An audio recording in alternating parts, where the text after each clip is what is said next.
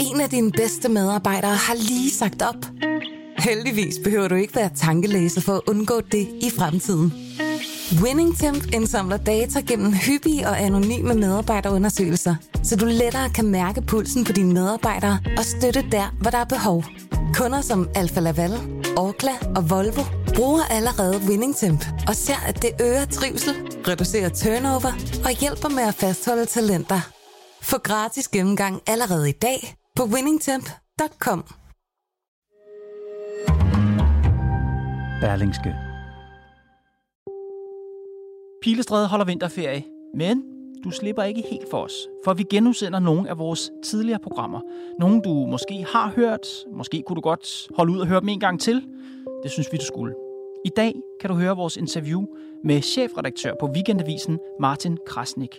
I midten af december udgav han bogen En smal bro over afgrunden om terrorangrebet i Israel den 7. oktober. Det var min kollega Mads Klint, der interviewede ham, og det blev bragt første gang i Pilestræde 19. december. God fornøjelse. I din bog beskriver du en tidlig lørdag morgen. Du stod op med din seksårige søn, Mm. der vågner der ved sekstiden. Ja.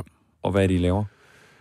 Han vågner jo øh, først, det gør han altid, og så følger jeg med, og så går han straks i gang med en af sine projekter, som man jo gør, når man øh, er seks år, og det, det er sådan en øh, Star Wars fighter, sådan en stor øh, Lego-samlesæt, øh, og det er han i fuld gang med allerede i forvejen, og sætter sig straks ned i det, som børn jo kan. Og hvad gør du? Jeg forsøger ligesom at undslippe hans anmodninger om at hjælpe med at finde de rigtige brækker, fordi han ikke selv gider finde dem, og ellers laver man en kop kaffe og går rundt og nyder stillheden der. Nogle seks lørdag morgen, der var dejligt stille, og starten af oktober, som man måske husker, var mærkeligt varmt. Det var weekenden der, var, det var en skøn weekend, så jeg åbnede døren til terrassen og nyder luften og tænker, nu er der nok lige lidt ro og fred, inden det hele går løs. Hvad sker der så? Jamen så på et tidspunkt øh, lidt senere ved halv ni tiden, der kigger jeg så i telefonen og kan straks se, at der er noget i gang. Der er en dansker, der har lagt et opslag op på Facebook om, at der er et, et noget helt uoverskueligt øh, og et terrorangreb i gang i det sydlige Israel, og det kan jeg jo så konstatere ved at tjekke nogle israelske aviser, at det er rigtigt. Og det er også helt åbenlyst, at det er noget andet end det, man er vant til dernede fra. Det er ikke øh, et knivstikkeri, eller en, nogen, der er blevet påkørt, eller, eller skudt ved en busstation, eller ved strandpromenaden i Tel Aviv. Det er, det er noget helt uoverskueligt, det er stadig i gang, og det er meget stort. Og hvad gør du så? Jamen, så går jeg ind til min kone og siger det, og så danner vi os det lille bitte ikke eksisterende overblik, man kan have på det tidspunkt, og, og så beslutter vi os for, at det, det vil vi ikke.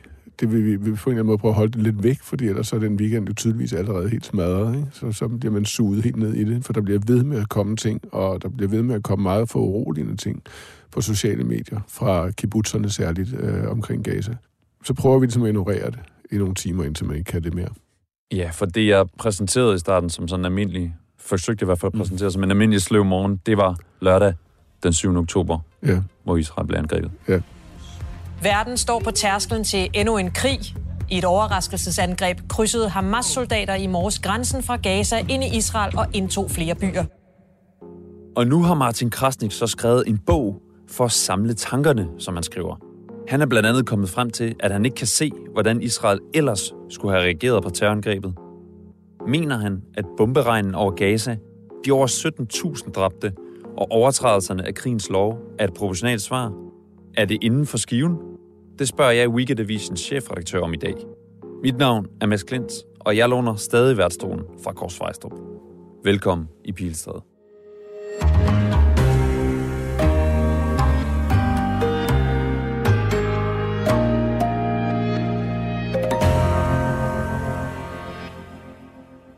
Om mandagen, to dage efter terrorangrebet, skal du aflevere dine tre børn i den jødiske skole i København. Hvordan er det?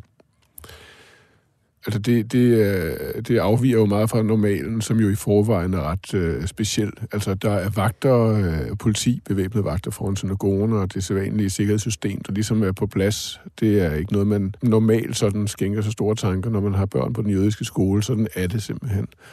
Men det er jo stemningen, der er markant anderledes. Altså folk er fuldstændig i chok. Altså fuldstændig øh, blege og går rundt med de der sådan, sådan lidt opspilede øjne, som om man lige har set et eller andet helt forfærdeligt. Kan du huske, hvad I siger til hinanden, jer forældre? Jamen, altså, den morgen tror jeg faktisk ikke rigtigt, jeg, jeg taler rigtig med nogen øh, om det, fordi det er, altså, jeg tror folk, altså, dem der siger noget, de siger måske, at kæft, det, det, det er så forfærdeligt, men det er jo fordi, vi er jo midt i det. Mandag, der var kommet nogle øh, historier ud om, om den teknofest blandt med en masse unge mennesker, der er blevet slået ihjel. Slået ihjel, siger Myrdet, øh, henrettet, koldblodigt, øh, maltrakteret, øh, tortureret.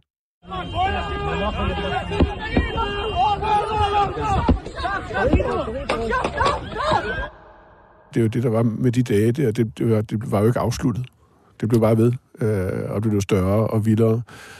Så at aflevere børn på skolen der, det var sådan en øh, dobbelt ting, hvor man både var til stede i Israel, jo, og alle på skolen kender nogen i Israel, og familiemedlemmer i Israel er forbundet på en eller anden måde. Og så er der det, der, det, det parallelle, som jo handler om det, det man selv er, altså selv er i, nemlig jødiske institutioner og den risiko, der er ved at have børn i dem, eller være i dem, som var der i forvejen, og som lige nu her, der, den mandag der, føltes meget påtrængende.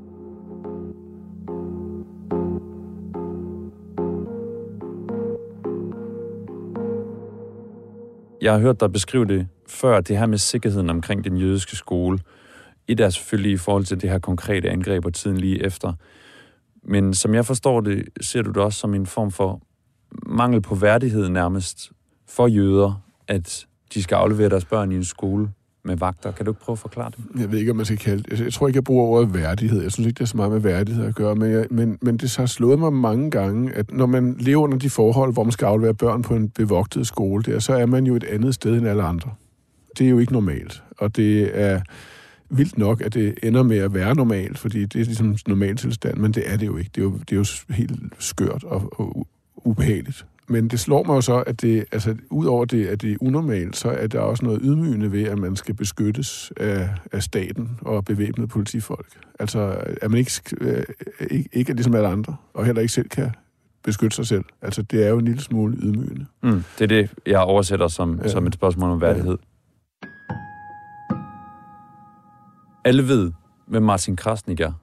Men hvis jeg beder dig om at præsentere dig selv alligevel, hvad siger du så? Det kommer an på, hvornår du spørger, men øh, øh, normalt er jeg jo mand og journalist og far og ægtemand og dansker, europæer og jøde, og det jødiske fylder, det er nok det, du er ude efter. altså afhængig Jeg var spændt på, om du sagde jødisk chefredaktør, eller øh, Martin Krasnik. i hvert fald ikke nogen jødisk chefredaktør. det, er jo, altså, det er der helt sikkert nogen, der synes, jeg er, men det synes jeg bestemt ikke selv. Øh, men det der med at være jøde, det fylder jo, det, afhængig af, hvordan man har det på den pågældende dag, så fylder det jo mere eller mindre. Øh, jeg har jo aldrig lagt skjul på min jødiske baggrund, og jeg synes, det er interessant at tale om og forholde mig til. Jeg synes, det er et dybt fascinerende emne at skrive om og studere. Men jeg vil skulle selv bestemme, hvornår jeg er det. Altså, det der, det, der er så ubehageligt i de her uger og måneder, og, og det er jo heller ikke noget nyt, det er, når andre beslutter sig for, om man er det grunden til, at der står vagter foran den skole for Søren, det er jo, at andre beslutter, at det er et sted, man kunne have lyst til at angribe. Så man bliver gjort til noget andet, som man ikke har lyst til. Øh, og for mange bliver man gjort til det kun alene. Det jødiske, og det er virkelig ubehageligt. Du skriver i bogen, mm. at du er tilbage som jøde, faktisk. Ja. Efter ja. at have slukket ja for det i, i Jamen, det er ikke den jødiske del af dig i 20 ja, år? Nej, det, det, er mere, det er mere den del af mig, der har haft noget at gøre med den, altså menigheden og det jødiske samfund. De har ikke rigtig orket det. Men nu er du tilbage, siger du, ja. efter at have slukket i 20 år. Hvorfor? Altså, jeg er tilbage, fordi jeg har fået børn, som startede på den jødiske skole. Uh, altså, jeg var, gik der jo selv, og var også aktiv i det jødiske samfund, da jeg var ung måske er det bedste svar på spørgsmålet, at jeg er, jeg er blevet mere bevidst om, at det også er vigtigt, altså at sætte sine børn på en jødisk skole, er jo også at bidrage til, at der er et jødisk samfund i Danmark. Altså et jødisk samfund uden en velfungerende skole er, er, findes ikke. Altså det kan, jeg ikke rigtig, det kan jeg ikke se for mig. Så det er også et bidrag til noget, som jeg synes er vigtigt.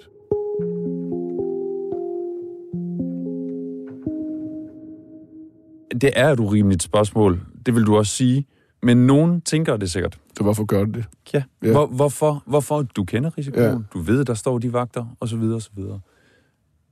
Du må have lavet en afvejning, eller dig din kone må ja, have talt kan, om... Men det er jo en afvejning, man ikke kan lave, fordi den er jo... Øh, det er et regnstykke, der ikke rigtig går op, jo.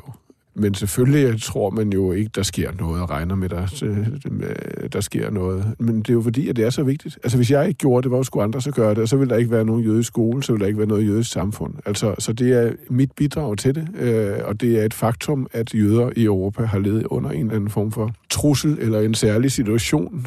Altså, altid historisk. Der har været måske nogle perioder, hvor vi har bildet os ind, at det var forsvundet, men sådan er det. Det er vilkåret. Altså, det er sådan, man lever som, som, som jøde i Europa, og det, er, det må man tage på sig, simpelthen. Og, og så må man øh, bære de øh, eventuelle regnestykker, der ikke går op øh, ind i hovedet. Ikke? Israel has responded to the attacks by Hamas with a complete siege on Gaza, as it vows to respond with a force like never before.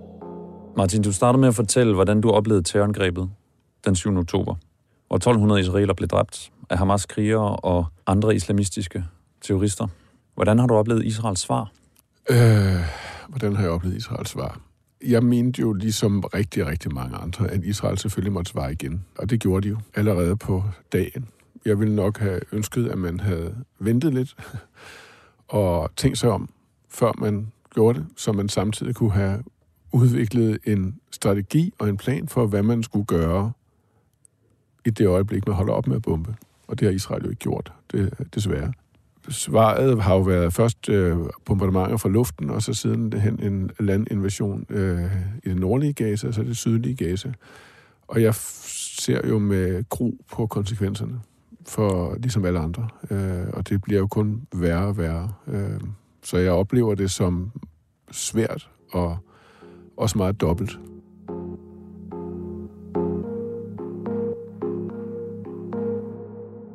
...17.000 cirka dræbte indtil videre i det sønderbombede Gaza, som vi konstant ser billeder af.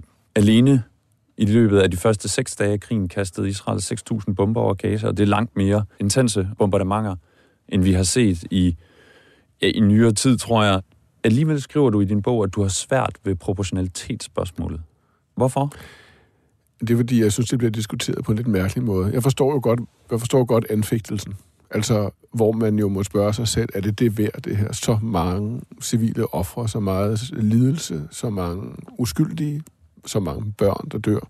Men problemet er, at spørgsmålet om proportionalitet blev rejst ganske få dage efter, at Israel var begyndt at bombe. Altså, i det øjeblik, at antallet af dræbte palæstinensere var oversteg antallet af dræbte israelere, civile, så blev Israel anklaget for, at det her det er ude af proportioner. Og selvom det er forfærdeligt, så er det jo ikke sådan, man skal forstå proportionalitet i krig. Og det er jo en krig, det her.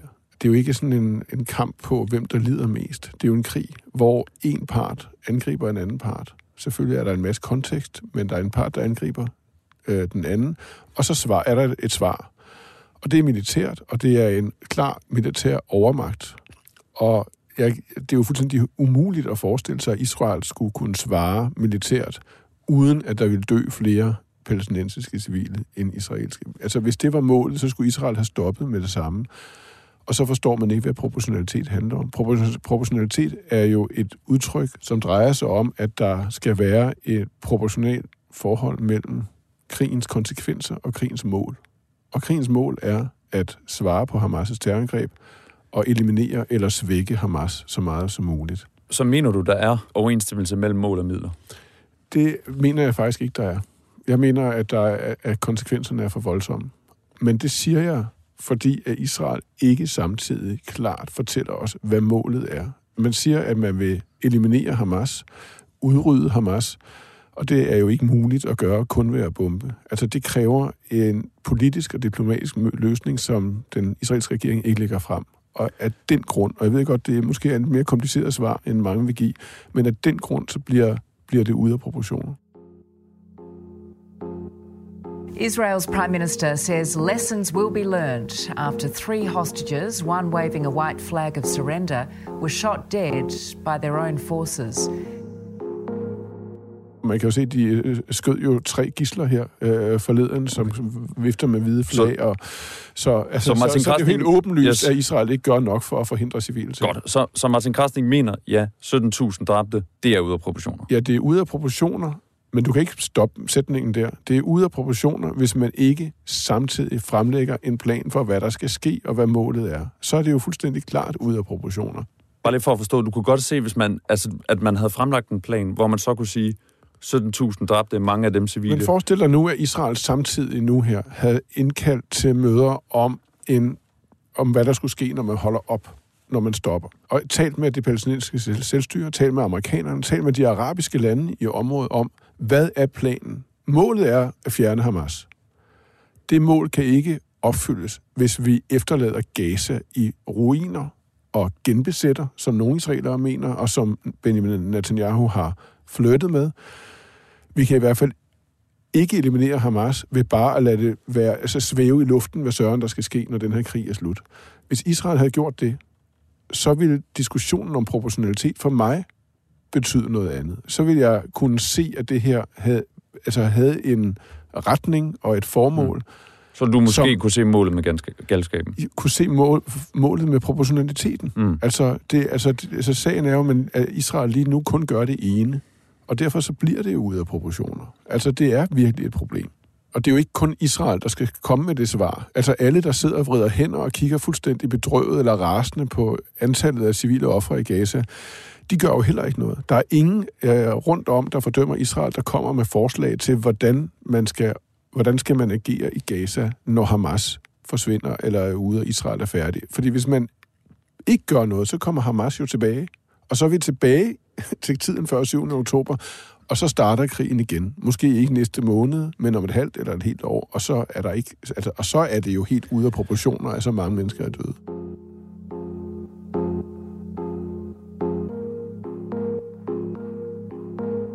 Men der er noget, der undrer mig, når jeg læser din bog. Du skriver nemlig, grundlæggende kan jeg ikke se, hvordan Israel ellers skulle have reageret. Og du skriver, at du er enig i, at man skal forsøge at eliminere Hamas. Men samtidig så skriver du, at det kan slet ikke lade sig gøre. Jeg citerer, jeg tror ikke på, at man endegyldigt kan fjerne Hamas ved at ødelægge det meste af Gaza.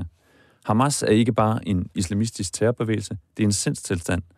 En voldslogik, der er så dominerende, at selv mange fredelige palæstinenser er ude af stand til at se den for, hvad den er. Mm. Hvordan hænger det sammen, Martin Krasnik? Du kan ikke se, hvad Israel skulle have gjort anderledes. Hamas skal elimineres. På den anden side siger du, det kan ikke lade sig gøre.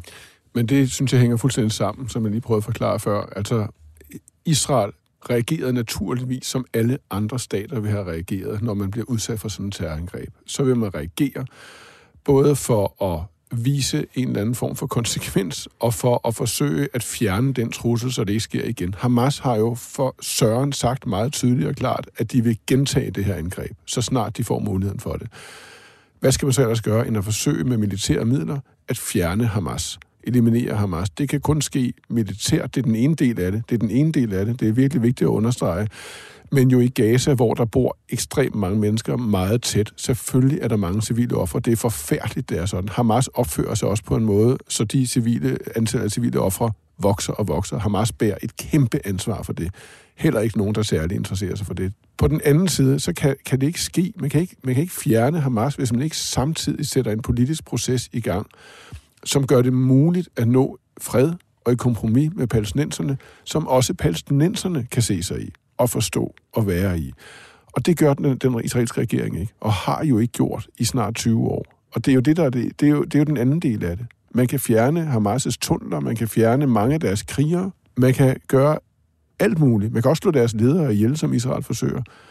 Men man kan ikke fjerne Hamas som en ideologi, hvis man ikke tilbyder et klart fredeligt alternativ.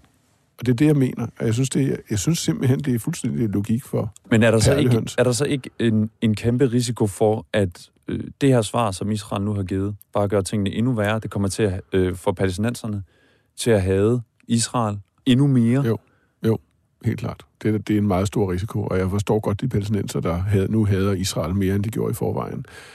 Og det kræver, det ligger et kæmpe ansvar på Israel og omverdenens skuldre, og, og det er jo det, jeg taler om her. Det er et, et ansvar for at løse situationen i Gaza. Gaza ligger der som en fuldstændig... Det er jo et, en skamplet på verdenssamfundet. Gaza ligger der, og ingen har nogensinde taget ansvaret. Israelerne har ikke.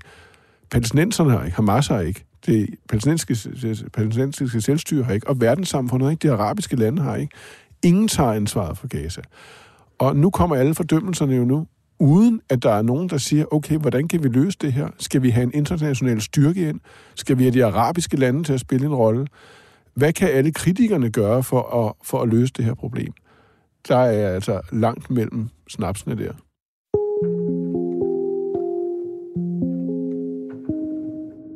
Martin, din bog hedder En smal bro over afgrunden.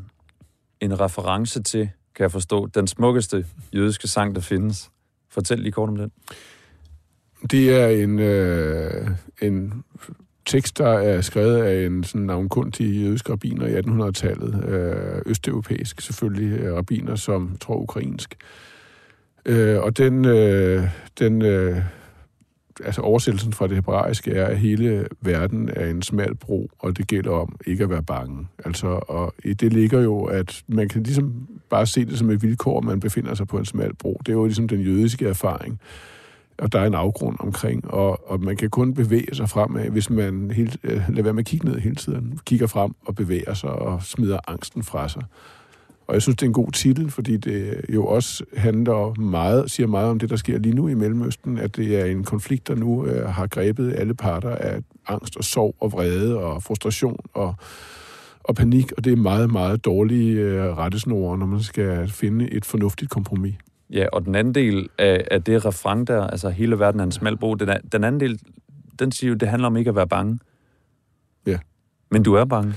Jeg er jo ikke bange som sådan, altså jeg lever jo et normalt liv, og, altså, og jeg, jeg tænker ikke meget sådan hele tiden over, der er en risiko, rigtig stor risiko for, at der sker mig mellem mine børn. Måde. Det er jo ikke sådan, sådan kan man jo heller ikke leve, men det er jo også en beslutning at sige, nu, nu lægger vi det fra os. Og at skrive sådan en bog, det, det er jo også et, et, et ret godt terapeutisk middel til at lægge frygten og, frygten og frustrationen fra sig, fordi så bliver man nødt til at sætte ord på noget, som er mere rationelt. Og det ville være utrolig dejligt, hvis flere gjorde det. Øh, fordi der er løsninger i den konflikt. Det kræver bare, at man skruer fornuften langt mere på. Det er de nuancer, du efterløser i din bog og andre interview, du har givet. Du kritiserer også, at krigen dernede og konflikten mellem Israel og Palæstina bliver importeret et til et hertil og bliver til antisemitisme. Tænker du nogensinde, for eksempel når du afleverer dine børn der i den jødiske skole, at det havde været nemmere at leve som jøde uden Israel? Det er, vir- det er virkelig et godt spørgsmål. Sådan har jøder tænkt, indtil de holdt op med at tænke sådan. Altså, sådan tænkte jøder jo da oplysningen kom, og demokratiet kom, og gav det jødiske mindretal i Europa rettigheder og emancipation osv., og, og da der så kom nogen og vrøvlede om, at det ville være godt med en jødisk stat, så tænkte de, hvad skal vi det for? Vi er tyskere, vi er franskmænd, vi er britter, vi er danskere. Altså, vi bor her. Vi er landsmænd, vi er europæere. Vi er, hvorfor skal vi bo i et varmt, snavset, lille, åndssvagt landområde for enden af Middelhavet? Men så kom pogromerne i slutningen af 1800-tallet så kom øh, alle de øh, antisemitiske ag- agitatorer i hele Europa, der kulminerede med Hitler og Nazi-Tyskland og jødeforfølgelserne. Og det var det, der fik de fleste jøder, for ikke at sige alle jøder nærmest i verden, til at sige, det har ikke noget at gøre ved det. Vi må have en jødisk stat. Og det er, og det er jo lige så presserende i dag. Der ligger jo i spørgsmålet, at hvis der ikke var Israel, så ville der heller ikke være antisemitisme. Altså, antisemitismen, også den arabiske, fandtes også før 48, hvor Israel blev grundlagt. Og antisemitismen har, har, har været et vilkår for jøder i flere tusind år. Det er den også i dag. Den får hele tiden nye, nye karakterer og nye ansigter, men den findes. Så selvfølgelig bliver man nødt til at have en jødestat, hvor jøder kan rejse hen, hvis de ikke synes, de kan andet, og smække døren efter sig. Det er bare vist sig at være sværere end som så, som man kan se nu. Martin Krasnik, chefredaktør, far, jeg ved ikke hvilken rækkefølge, jøde og meget andet. Ja, det svinger lidt. Tak fordi du kom. Det var så lidt. Det var alt fra en sygdomsramt Pilstad-redaktion, der i dag kun talte Thomas Arndt og mig selv, Mads Klint. Tak for at lytte med.